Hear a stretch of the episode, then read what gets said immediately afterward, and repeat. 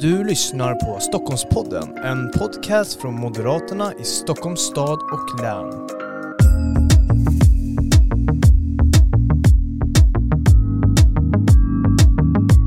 Ja, varmt välkomna till ännu ett avsnitt av Stockholmspodden. Det här är ju en podcast från Moderaterna i Stockholms stad och län där vi pratar aktuella frågor, brinnande politiska frågor med våra främsta företrädare, men också ibland har vi med andra personer från näringslivet eller olika positioner i samhället. Men idag ska vi prata med en av våra främsta företrädare, nämligen Irene Svenonius, finansregionråd här i Stockholm.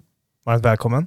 Tack så mycket, roligt att vara här. Mm. Och du har ju varit med en gång tidigare. Känner du att du är revanschsugen när du kommer tillbaka här? Ja absolut, och jag lyckades ju haka av med Kristoffer Tamsons den här gången så jag får ju vara här själv. Mm. Men Kristoffer kommer tillbaka ska vi se, så att, eh, eh på det, så han kommer också tillbaka. Eh, men jag tänkte det är en inledande fråga man brukar alltid prata en hel del innan, så här, vad ska vara den inledande frågan? Och de flesta reporterna brukar köra den här, vad åt du till frukost? Men jag tänker att vi ska byta bana och eh, köra en liten pandemirelaterad fråga. För det är ju så här att vi knyter ju inga nya sociala kontakter nu. Vi håller oss mycket hemma, eh, vi jobbar hemifrån och så vidare. Så vad har du ägnat dig åt på fritiden under pandemin? Ja du, jag har ju inte så mycket fritid som man skulle kunna önska. Men den jag har, den, där har jag fördjupat mig kring släktforskning som har varit ett gammalt intresse. Och eh, sen är mina fyra katter hemma jättenöjda över att jag tillbringar så mycket tid med dem. Mm. Får de mer mat nu också? När, när... De får alldeles för mycket mat tycker somliga i hushållet. Katterna tycker nog att de fortfarande kan få lite till. Ja. Men de är jättenöjda över att det finns någon hemma och att de kan eh, få lite mer gos än normalt kanske. Mm. Kul. Vi får väl se om det blir en, en eh, långvarig trend eh, hemma hos Irene Svenonius. Ja, men släktforskningen kommer jag ju fortsätta med. Den har jag ju egentligen hållit på mm. med av och till sedan jag gick på gymnasiet. Mm. Men mata katterna? Ja, mata katterna och kelak med katterna. De kommer att bli mycket, mycket missnöjda när vi kan eh, återstarta samhället och familjen är mera borta på sina arbetsplatser. Mm, vi får se hur det går. Ja, vi får se hur det går. Katterna kommer att ha synpunkter. Ja. Yes, och det får vi kanske återkomma till i, ett nytt avsnitt av Stockholmspodden. För att vi ska prata om någonting helt annat idag. Vi ska ju nämligen prata om coronapandemin och, och dens effekt på, på Stockholmsregionen. Eh, men jag tänkte först, för att starta någonstans så måste vi ändå ge en lägesbild. Vi befinner oss nu i tredje vågen. Vaccineringen har ju kommit igång. Eh, hur ser lägesbilden ut? Ja, lägesbilden är att det är oerhört tufft i hälso och sjukvården fortfarande. Vi har eh, väldigt många som är inlagda i sjukvården fortfarande med covid-19. Över 90 patienter ligger och kämpar för sina liv i intensivvården.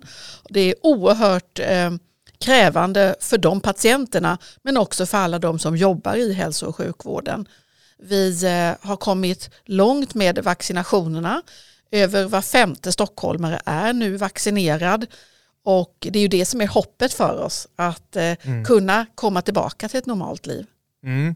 Man börjar eller höra allt mer i sin eh, krets också att folk blir vaccinerade, man ser på Facebook och, och det är ju verkligen glädjande. Jag kan ju se att eh, vår förbundsordförande Kjell Jansson eh, kom in idag och var väldigt glad för han tog sin första spruta igår. Ja, jag hörde faktiskt det på ett möte jag hade med honom ja. tidigare idag, att han hade varit hemma på Blidö. Precis, så äh, det funkar ju kanon. Äh, men jag tänkte att äh, vi befinner oss i den tredje vågen. Det har varit tre, tre vågor av det här viruset. Finns det en risk för en fjärde? De som är experter på det här bedömer ju att risken ska vara liten eftersom vi nu vaccinerar så fort. Men jag skulle säga att eh, det slutliga avgörandet av om det blir en fjärde våg eller inte det beror helt och hållet på vaccinleveranserna just. Att vi får in vaccinet i Sverige och så fort som möjligt får det i armarna på hela vår befolkning som är över 18 år. Mm. Och jag hoppas innerligt att eh, vi ska fortsatt få eh, stora vaccinleveranser som vi nu har fått de senaste veckorna. För då hyser jag ett mycket, mycket gott hopp. Mm. Sommaren mm. är ju virusets eh, fiende nummer ett. Viruset är ju säsong, säsongsbundet. Och eh, kan vi nu passa på att använda sommarhalvåret till att vaccinera bort det mm. så hyser jag gott hopp. Mm. Däremot får vi ju inte glömma att viruset är ju här för att stanna men vi kan få bort effekterna av det. Det finns ju i samhället men vi tar bort risken för människor att bli allvarligt sjuka. Mm. Och sjukvården har ju verkligen gjort en hjälteinsats under pandemin, det ska vi verkligen poängtera. Och eh, de fortsätter ju nu med vaccineringen, jobbar dygnet runt för att se till så att fler inte omkommer i pandemin. Hur skulle du säga att läget är kring sjukvården? Hur ansträngt är det? Det är oerhört tufft för de som jobbar framförallt i intensivvården, infektionsvården, covidvården och förstås på våra akutmottagningar. Därför att eh, vi har en extremt hög belastning med eh, covid-19 patienter fortfarande. Vi är i toppen på den tredje vågen och ovanpå det så har ju stockholmarna sina alldeles vanliga sjukdomar också som måste tas om hand. Och allt det här gör ju att det är tufft för de anställda och det är ju därför jag tjatar och alla i hela Region Stockholm tjatar om vikten av att följa restriktionerna. Mm. Att hålla avstånden, att inte ha några nya sociala kontakter, att jobba hemifrån om man kan. Därför att det här är ju på riktigt. Det handlar ju om att tills alla har fått sitt vaccin så riskerar vi ju att det är fler som blir svårt sjuka, att det är fler som dör i eh, pandemin och att belastningen på hälso och sjukvården blir ännu högre. Och det är ju alldeles i onödan, för följer vi restriktionerna så stoppar vi smittspridningen. Mm. Den här vårdskulden, du, du nämnde den lite där, kan det bli ett långsiktigt problem för Stockholmsregionen? Jag är helt övertygad om att eh, när vi har bekämpat pandemin då ska vi ta tag i alla de patienter som har fått vänta med sin vård under den här pandemin. Och då är det viktigt att vi gör det på rätt sätt. Så att eh, våra akutsjukhus, där inte minst intensivvårdsavdelningarna har fått slita hårt, att de också kan få en avlastning så att vi använder alla de privata vårdgivare som också finns. Att det blir ett lagarbete mellan den offentligt drivna och den privata vården. Så att vi ser till att stockholmarna får den vård som de behöver så fort som möjligt. Mm. Hur viktigt har de privata vårdgivarna varit i pandemin? Ja, de har ju varit oerhört viktiga under alla tre vågorna i pandemin. Vi har fått låna personal. Under den första vågen så fick vi låna absolut mest personal. Men även i andra och tredje vågen har vi fått låna personal. Men de har ju också inneburit en avlastning i att de har tagit patienter som inte kan vänta. För vi har ju också patienter som får svåra sjukdomar som inte kan vänta tills pandemin är över. Och sådana patienter har många privata vårdgivare tagit hand om och därmed avlastat sjukhusen. Ersta sjukhus är ett sådant exempel där de i praktiken har blivit Stockholms åttonde akutsjukhus och hjälpt oss med eh, akutoperationer till exempel. Mm. Så vi är, det är fortfarande ett ansträngt läge inom sjukvården men det finns ändå ett ljus i tunneln i och med att vaccineringen har kommit igång just nu. Eh, så det viktigaste av allt är att vi fortsätter att följa de rekommendationer som finns, hålla avstånd, jobba hemifrån den mån man kan och så vidare, eller hur? Exakt så är det. Det är precis så enkelt. Att hålla avstånden, jobba hemifrån, tvätta händerna fortsatt, använd munskydd, gör allt det där som gör att vi stoppar smittspridningen. Det är inte svårt. Samtidigt så har jag all respekt för att människor är dödströtta på att inte få umgås, att inte få träffa sina vänner eller sin familj. Men vi är så nära nu. Väldigt många har fått sitt vaccin. Av de som är över 65 år så närmar vi oss ju 80 procent av alla. Och därmed också att de som riskerar svår sjukdom har fått sitt vaccin. Mm. Vi är mitt uppe i att vaccinera övriga riskgrupper i samhället som också kan bli väldigt svårt sjuka eller avlida av den här sjukdomen. Mm. Jag tänker att vi ska kolla också på Stockholmsregionen i sin helhet. Det är en väldigt stor region, det är huvudstadsregionen i, i Sverige eh, och coronapandemin har ju påverkat oss verkligen, inte bara som individer men också samhället här i, i Stockholmsregionen. Hur har vi påverkats av Stockholmsregionen, eller av pandemin? Ja, människor här har ju påverkats enormt och eh, alla företag har påverkats enormt. Människor arbetar hemifrån, vi reser inte. Vi ser ju hur vår kollektivtrafik bara har varannan resenär mot hur det inte är eller mot hur det är i, eh, i normalläget. Vi har eh, oerhört många som har varslats om uppsägning i företagen. Vi har eh, företag som har gått i konkurs, hela livsverk som är utraderade. Och det är klart att vi ser att det är många restauranger, det är teatrar, det är allt det här som normalt är mm. pulsen i Stockholm som är helt annorlunda just nu. Mm. Hur tror du att Stockholmsregionen kommer se ut efter krisen? Kan vi se några förändringar, några nya mönster, till exempel hemmajobb, eh, nya, eh, en ny, mer näthandel, mindre butiker. Vad, vad tror du Stockholmsregionen, hur kommer det se ut efter pandemin? Det är ju svårt att sia om exakt hur det kommer att bli. Men det är klart att vi har fått en del nya mönster som säkert håller i sig. Att man handlar på nätet, att vi eh, jobbar mera hemifrån, att vi kanske inte reser lika mycket i jobbet. Men eh, jag tror att det människor längtar efter så oerhört mycket är just att träffa sina arbetskamrater, att få jobba i lagen igen, att få eh, gå ut och äta en god middag, gå på teater. Så jag hoppas ju att vi oerhört snabbt när mm. restriktionerna hävs får tillbaka det här sprudlande Stockholm som mm. vi är så vana vid. Att vi kan få tillbaka turisterna som kommer. Många flyger hit, andra kommer med båtkryssningar. Alltså att vi kan vara navet men också att vi är navet för svensk tillväxt igen. Normalt är det ju Stockholmsregionen som står för varannan skattekrona in i statens kassakista. Och det tror jag staten behöver även bortanför pandemin. Mm. Och vi har ju det målet här i Stockholmsregionen att vi vill bli Europas främsta tillväxtregion. Vad tror du är det viktigaste för att vi ska kunna uppnå det efter pandemin? Ja, det är ju flera saker som behöver ske. Det ena är ju att vi säkerställer eh, att vi har en god internationell tillgänglighet. Stockholmsregionen är ju det huvudstadsområde i hela Norden som har flest globala huvudkontor. Och vill vi slå vakt om dem, vill vi attrahera ännu fler internationella investeringar och huvudkontor, ja då måste vi ha en god internationell tillgänglighet. På svenska, vi måste utveckla Arlanda, vi måste se till att kapaciteten är tillräcklig där, att vi har en bra kollektivtrafik dit.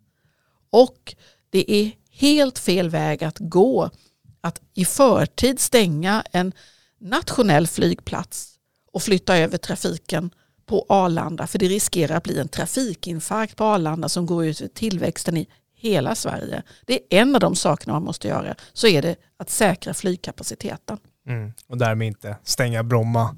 Eh. Nej, det är helt fel väg att gå. Att börja med att stänga Bromma så att eh, alla viktiga orter runt om i Sverige får en mycket, mycket sämre tillgänglighet med flyg och att inte bygga ut Arlanda, för den frågan hänger ju i luften. Mm. Jag hörde på presskonferensen i förra veckan mellan infrastrukturministern och miljöministern att eh, det, var ju, det behövdes inga fler rullbanor på Arlanda. Jag har ju suttit i regeringens eget Arlanda-råd och vet ju att det behövs ökad kapacitet på mm. Arlanda, mm. inte mindre de bedömer ju att som det ser ut just nu så, så fungerar ju kapaciteten på Arlanda, men det är kanske lite missvisande att bedöma när, i en pandemi när, när inga flyger eller, eller ska flyga egentligen.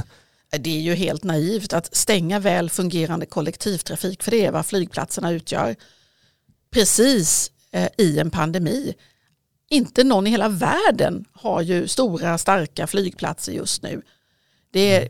Det innebär ju att man väsentligen försämrar Sveriges möjligheter till återstarten bortanför pandemin. Och det visar ju också varför Sverige så desperat behöver en ny regering. En regering som förstår vikten av tillväxt, jobb i hela Sverige. I Stockholm men också i hela Sverige. Mm.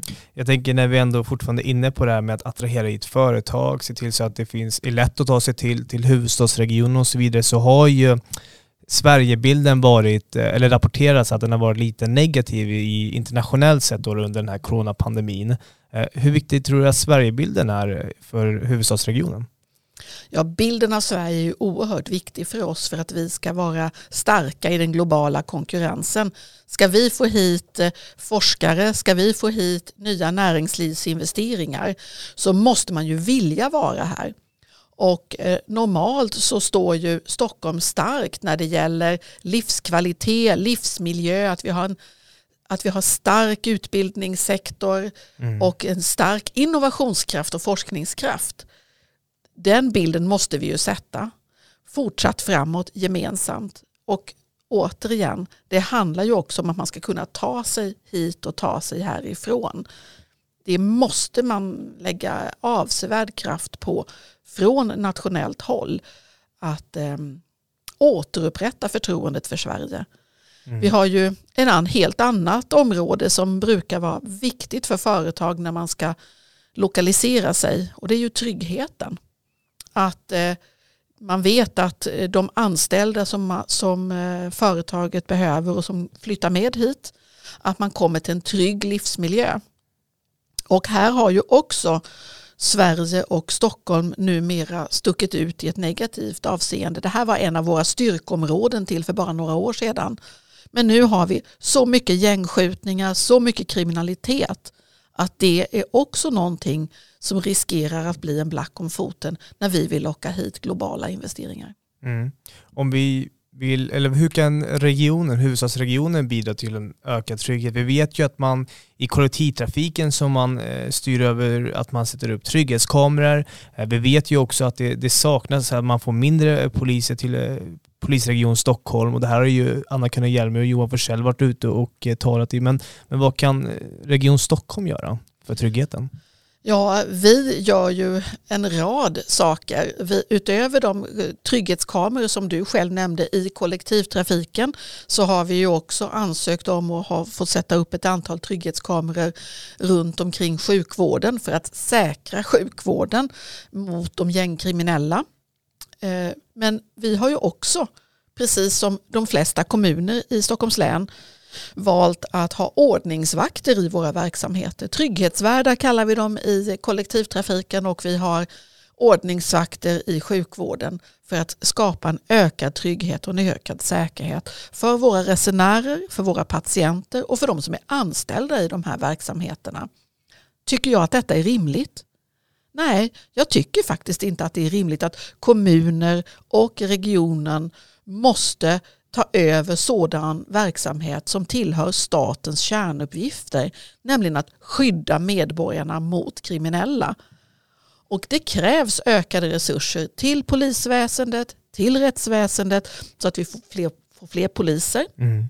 att vi får en ökad uppklarning av brott och att vi får bort de gängkriminella. Vi måste dessutom jobba stenhårt med vardagsbrotten. Vi läser ju hur mycket som helst i tidningarna om eh, gängskjutningar och alla som drabbas av dem. Men vi har ju också oerhört många som drabbas av andra brott som inte längre blir lika omskrivna för att vi har vant oss vid dem.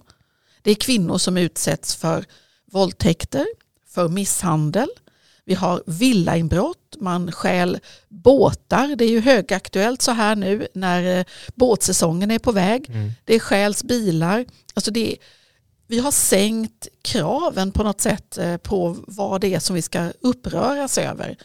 När vi istället ska jobba ännu hårdare för att öka tryggheten på en rad olika plan i hela Stockholmsområdet men också i övriga landet. Mm tryggheten är viktig för en omstart av, av huvudstadsregionen. Absolut. Jag tänker att vi ska gå tillbaka till de här strukturomvandlingarna eh, inom välfärden, sjukvården. Eh, du har ju pratat en hel del tidigare om framtidens hälso och sjukvård innan pandemin, om, nej, om, jag minns rätt. Eh, jag tänker, hur ser du på, på sjukvården efter pandemin? Kan man se några strukturomvandlingar? Eh, vad tror du? Den stora, stora lärdomen från pandemin det är ju att eh, när vi ger de anställda i vården förtroende att själva fatta en lång rad beslut, att själva organisera sin verksamhet, lägga upp sina processer, då lyckas ju de. I ett så oerhört tufft läge som det var under den första vågen i pandemin, där eh, alla våra anställda bara ställde om och de ställde upp och de kavlade upp ärmarna och löste problem. Och vi kunde hela tiden ligga ett steg före smittutbrottet och varje dag hade vi fler vårdplatser än vad som behövdes. Det här tycker jag är en lärdom som alla måste ta med sig. Det är inte mer av politisk klåfingrighet, det är inte mer av administrativt tyngande regler som vården behöver i vardagen utan det är mindre av allt det här. För då kommer den att fungera så oerhört mycket bättre. En av svensk sjukvårds absolut största problem är ju vårdköer. I Stockholm och i Halland har vi alltid kortast väntetider till vård av alla län. Men i många andra län så har man stora, stora problem med köer. Jag är helt övertygad om att eh, om man detaljstyr vården mindre och om man använder alla de delar av vården som finns, det vill säga såväl offentligt driven som den privata vården och att de kan jobba sida vid sida i hela Sverige, så är jag övertygad om att mm. eh, vi löser många av de problem som vi hade före pandemin. Mm. Vad kan politiken göra för näringslivet? Vi vet ju att besöksnäringen, främst i Stockholmsregionen, då, har tagit en enorm skada av eh, pandemin. Då, då. Eh, men vad skulle du säga att, att politiken kan göra för att kanske minska de här negativa konsekvenserna som pandemin har gett för de här företagarna? Ja, för det första så handlar det ju om eh, de nationella stöden till drabbade branscher att det ska vara enkelt att få ut eh, det stöd man är berättigad till och att man ska inte göra det eh, onödigt svårt därför att det här är företag som är hårt drabbade. De måste få tillgång till de stöden. Bortanför eh, pandemin så är ju återstarten oerhört viktig. Att det är tydligt med de nationella beskeden. Mm. När kan människor få börja gå på restauranger igen? När får man gå på teatrar igen? Att man har en realistisk bild och kommunicerar den tydligt. Från och med när kommer detta att vara möjligt? Och eh, hur ska det då fungera för de här företagen? Jag, jag menar också att eh, nationell nivå måste se över eh, skattelagstiftningen för företagen, arbetsgivaravgifter, en lång rad sådana saker som kan underlätta för de här företagen mm. och för människor för vi får inte glömma att det är många människor som har blivit arbetslösa under pandemin och de har mindre i sina plånböcker. Och eh, att de ska kunna nyttja till exempel teatrar eller att gå eh, och äta en bit mat eh, genom att det blir billigare tror jag också är väldigt, väldigt viktigt. Sen tycker jag att det är oerhört bra det många kommuner gör i Stockholms län. Mm. Och eh, där var ju Stockholms stad under ledning av Anna König Hjelmyr först ut med att eh, se över avgifter som kommunen tar ut till exempel för uteserveringar och ja, olika avgifter och tillståndspengar helt enkelt. Mm. Och att man har tagit bort dem eller att man har sänkt dem. Och det har ju sen fått sin efterföljd i många kommuner runt om i länet. Det är ju vad den lokala politiken kan göra och det tror jag är jättebra det också. Allt som underlättar för de här branscherna så att vi får tillbaka det Stockholm som vi älskar. Som mm. sjuder av liv. Mm. Alltid. Mm. Precis, alla årstider. Ja, alla årstider och nästan dygnets mm, alla timmar. Precis. Eh, jag tänkte bara innan vi lämnar det här med återstarten, Irene. Det är ju så här att Socialdemokraterna i Stockholms stad de gör ju en eh, väldigt stor vänstersväng. Eh, de lägger ju fram förslag nu till deras kongress i höst, i eller eh, Socialdemokraterna i Stockholms stad är det här då, då att eh, man vill införa en ny progressiv fastighetsskatt, man vill avskaffa RUT eh, och så vidare, en hel del andra ekonomiska eh, reformer, vänsterreformer om jag får uttrycka mig så, vill de göra då. då. Eh, hur ser du att det här kan, eller vad kan det här ge för effekter på Stockholmsregionen? Ja, det får ju fatala påverkan på alla oss som bor i Stockholms län. Och det är väl helt fel tillfälle att höja skatterna dramatiskt för alla som bor i Stockholms län. Att ta bort möjligheterna att få avlastning som RUT faktiskt innebär. Mm. Samtidigt när vi har haft en sån tuff pandemi det här kommer ju att få stor påverkan på eh, de företag som finns inom rutbranscherna som är oerhört starka i Stockholms län naturligtvis.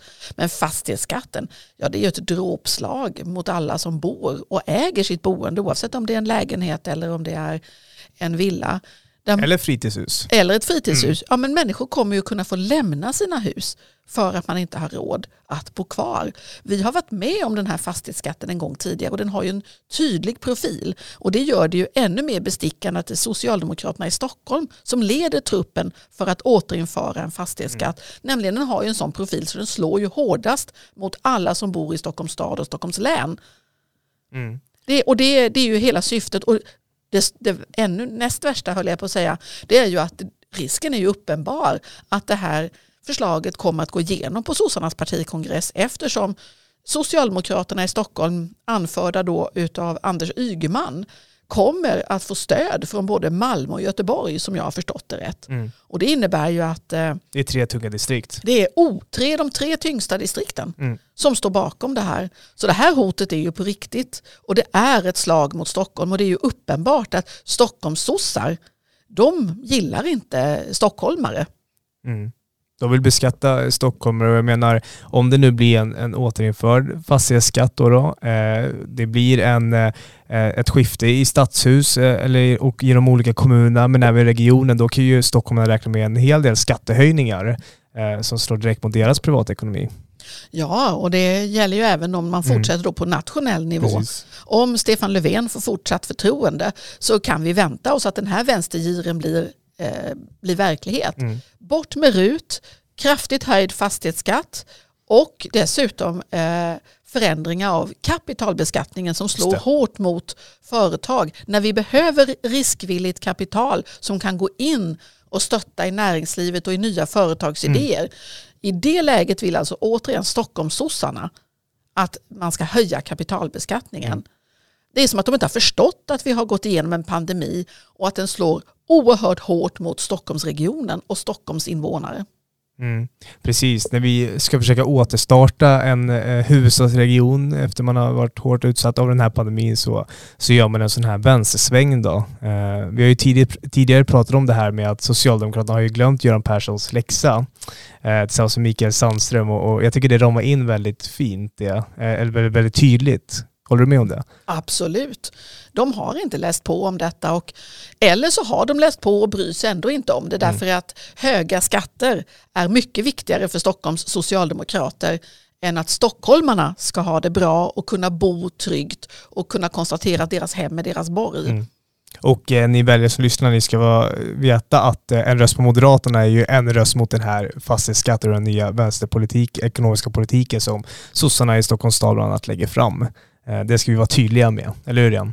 Ja, det är vi tydliga med och jag är själv också upprörd över det här med rutavdragen därför att det slår hårt. Det är ett grundskott mot jämställdheten skulle jag Mm. säga. Mm. Skulle du kunna utveckla det? Ja, men alltså eh, när vi kan köpa ruttjänster och eh, kunna, vi kvinnor oftast, vi tar ju oftast ett lite större ansvar hemma. Det kan man tycka mycket om, men det är ett faktum. Att vi då inte ska kunna köpa de här tjänsterna eh, som avlastar oss på hemmaplan är ju något oerhört.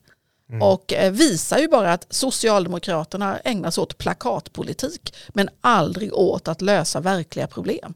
Mm. Och det kan vi ägna en hel poddavsnitt åt att prata om all Absolut. den symbolpolitik och plakatpolitik som de bedriver, både på lokal nivå men även nationellt. Ja, Mm. och hur den slår mot oss kvinnor. Precis. Jag tänker att vi, vi ska lämna återstarten och, och eh, sossarnas vänstersväng och prata lite om det här med vaccineringen. Din syn på den internationella samarbetet kring vaccineringen. Eh, det är ju mycket tankar och åsikter just nu i alla samhällets hörn. Eh, igår så var Paul Jonsson och eh, Dr. Thomas Ries här och eh, tryckte på att för att lösa pandemier eller andra kriser så krävs det ett internationellt samarbete. Det är livsviktigt med samarbetet. Skulle du hålla med om det? Ja, men självklart. Det, den nya tiden är ju att en pandemi förflyttar sig ju oerhört snabbt därför att eh, vi har helt andra kontakter med andra delar av världen. Världen är mycket mindre i den bemärkelsen idag än den var när spanska sjukan härjade för hundra år sedan. Och det innebär ju också att vi behöver mera av gemensamma lösningar. Och det behövs också ett, ett globalt varningssystem när man uppfattar att nu är det fara och färde. Här är ett nytt virus som kan, som kan spridas över världen. Och sen måste vi ju naturligtvis i varje land ha våra åtgärder som vidtas. Mm. Hoppet ligger ju i det vi har sett nu. Att på ett år så har alltså forskningen och eh, de globala läkemedelsbolagen fått fram flera olika vaccin med mycket, mycket hög verkningsgrad mot det här nya viruset. Och det är väl också någonting som vi ska ta med oss att det behövs naturligtvis ett mellanstatligt samarbete för att hejda smittspridning och stoppa eh, en eh, pandemi. Mm. Men vi behöver också bejaka forskningen, utvecklingen och de här stora företagen som ju lägger avsevärda resurser för att snabbt, snabbt få fram lösningar på problem. Mm. Och eh, för hundra år sedan så hade man ju inte vaccinet som kom på det här sättet och räddade dem undan spanska sjukan.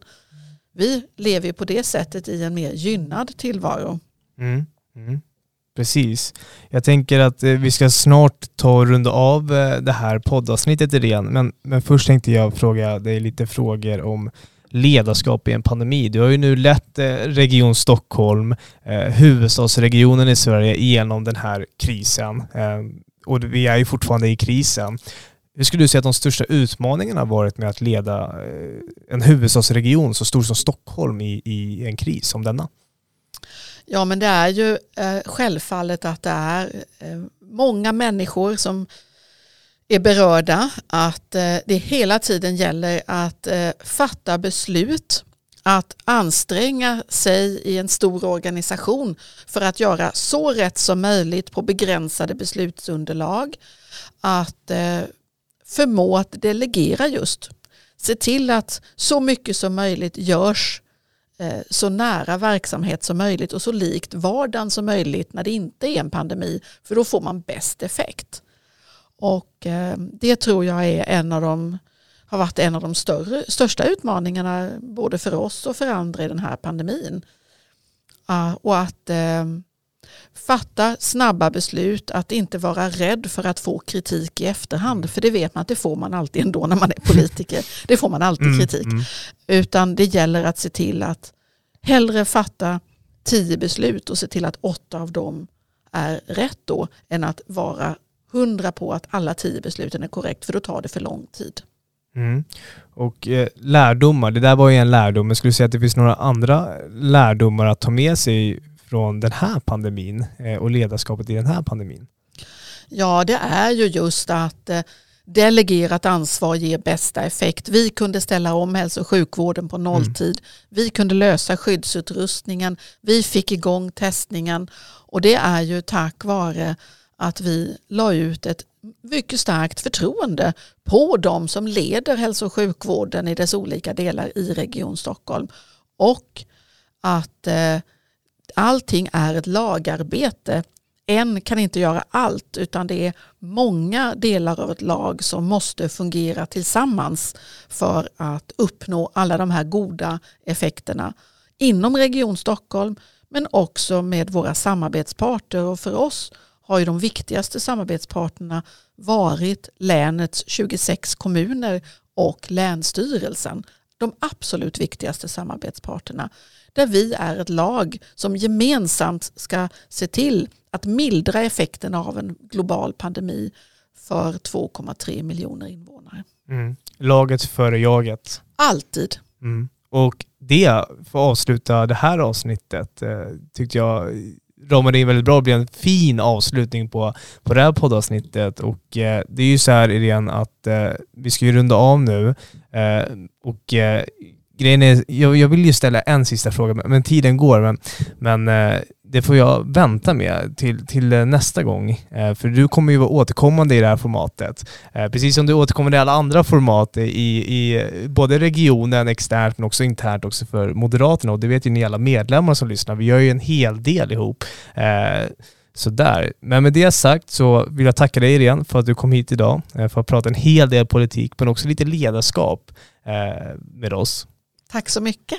Och så vill jag såklart också tacka dig som har lyssnat. Eh, som sagt, det är en hel del massa avsnitt i vår katalog eh, och vi kommer släppa en hel del nya avsnitt också fram till sommaren. Eh, så jag hoppas att du är med oss då. Men med det sagt får jag önska dig en fin kväll eller dag beroende på när du lyssnar. Hej då! Hej då.